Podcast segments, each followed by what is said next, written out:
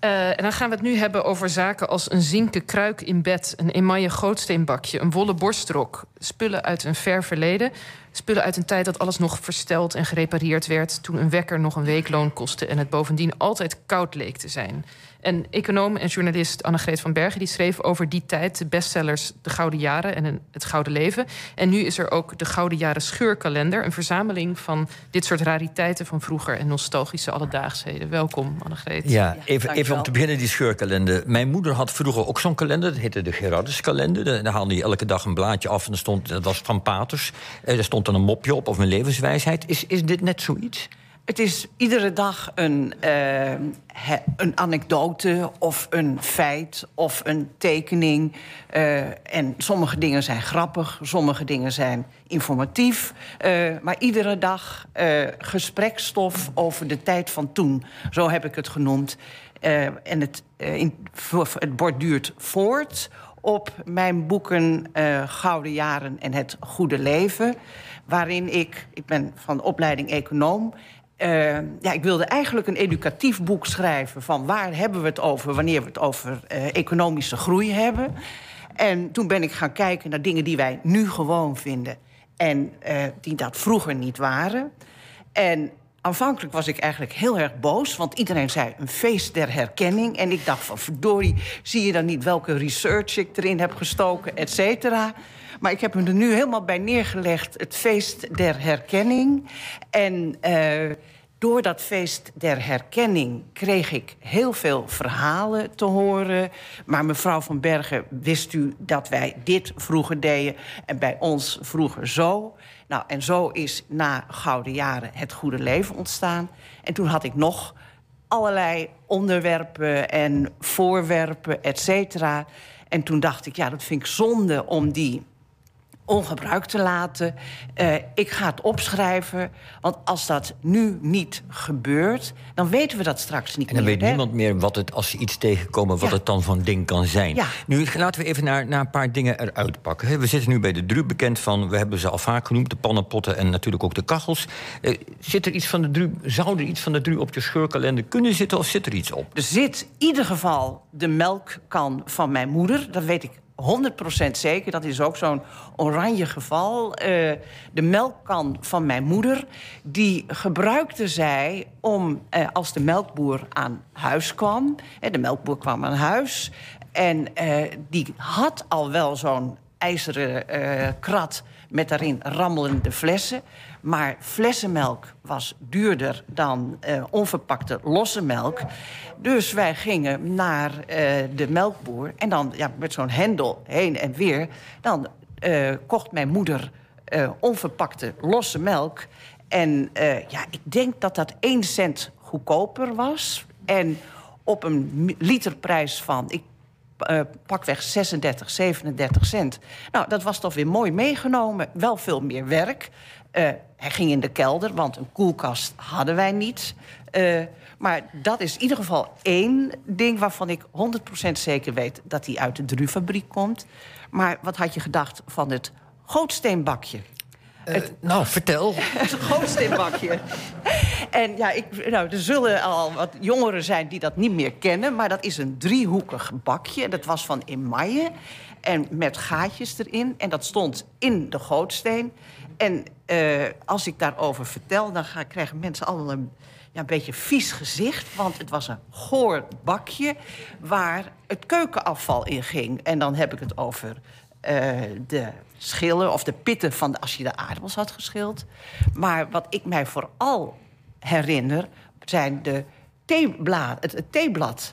Want vroeger had je geen uh, voorverpakte uh, thee, zoals je ook geen voorverpakte... Toen was het nog geen beleving, hè? Ja. Nee, toen was het nog geen beleving. En, je had, en je, als je thee kreeg, dan, kreeg, ja, dan dronk je thee wat, die in de pot zat.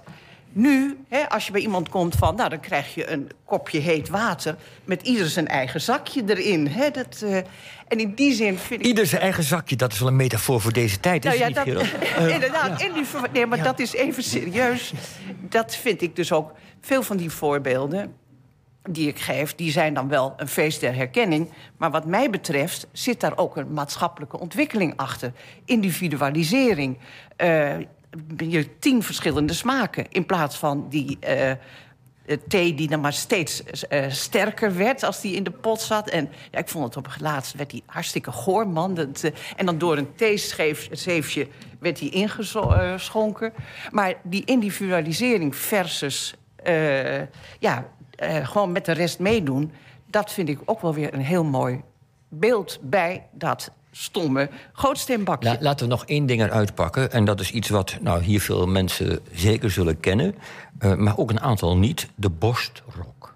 De borstrok. Uh, wat was dat? Ik weet wel dat mijn vader bijvoorbeeld... die droeg ook een borst, zo'n ding onder zijn, zijn blouse. En dat droeg hij ook als het 30 graden was. Want dat was om je warm te houden. Maar je, kon er ook, je werd er ook uh, in de winter om je warm te houden. Maar in de, in de zomer hielp het ook tegen de hitte. Wat was dat? Nou, dat laatste dat is weer nieuw voor mij. Dat het in de zomer tegen de hitte hield.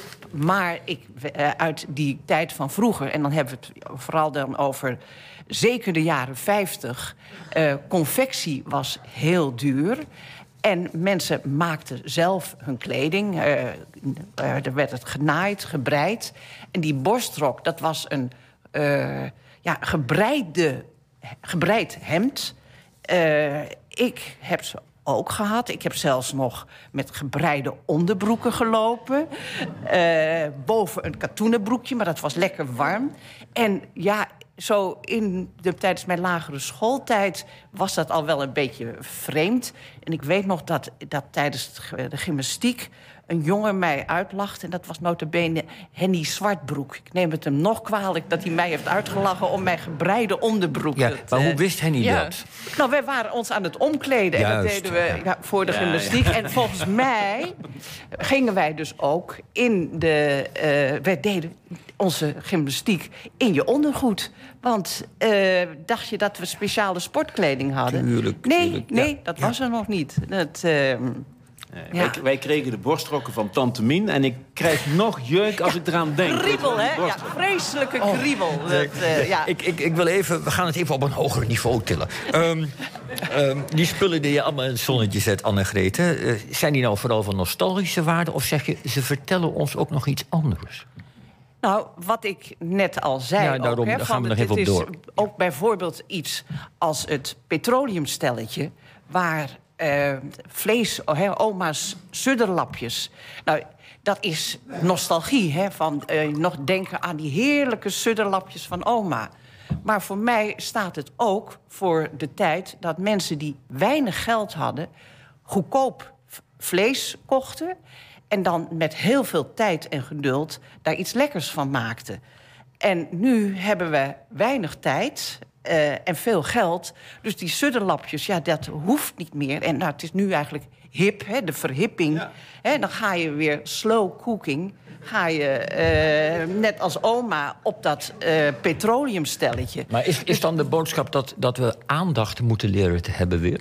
Ik heb geen boodschap. Ik heb geen boodschap. Ik zeg, het is de gesprekstof uh, over de tijd van toen. En ik vind het leuke dat uh, al die verhalen die ik vertel... bij mensen uh, dingen naar boven halen... waaraan ze zoals onze premier dat zo mooi zegt, geen actieve herinnering hebben. maar dan opeens, door dat gootsteenbakje komt het theezeefje, komt er van alles naar boven. Als ik met mannen praat over landjepik... Hè, dan gaat ze opeens aan hutten bouwen denken... en weet ik het wat allemaal. Dus ik vind het ontzettend leuk. Het is vooral gesprekstof. En af en toe ja, zie je ook een maatschappelijke ontwikkeling. Ja, Annegreet, bedankt. Gouden Jaren, de Scheurkalender 2022. Prachtig uitgegeven, ligt in de boekhandel... en is uitgave van Atlas Contact. Ja, en dit was OBT voor deze week.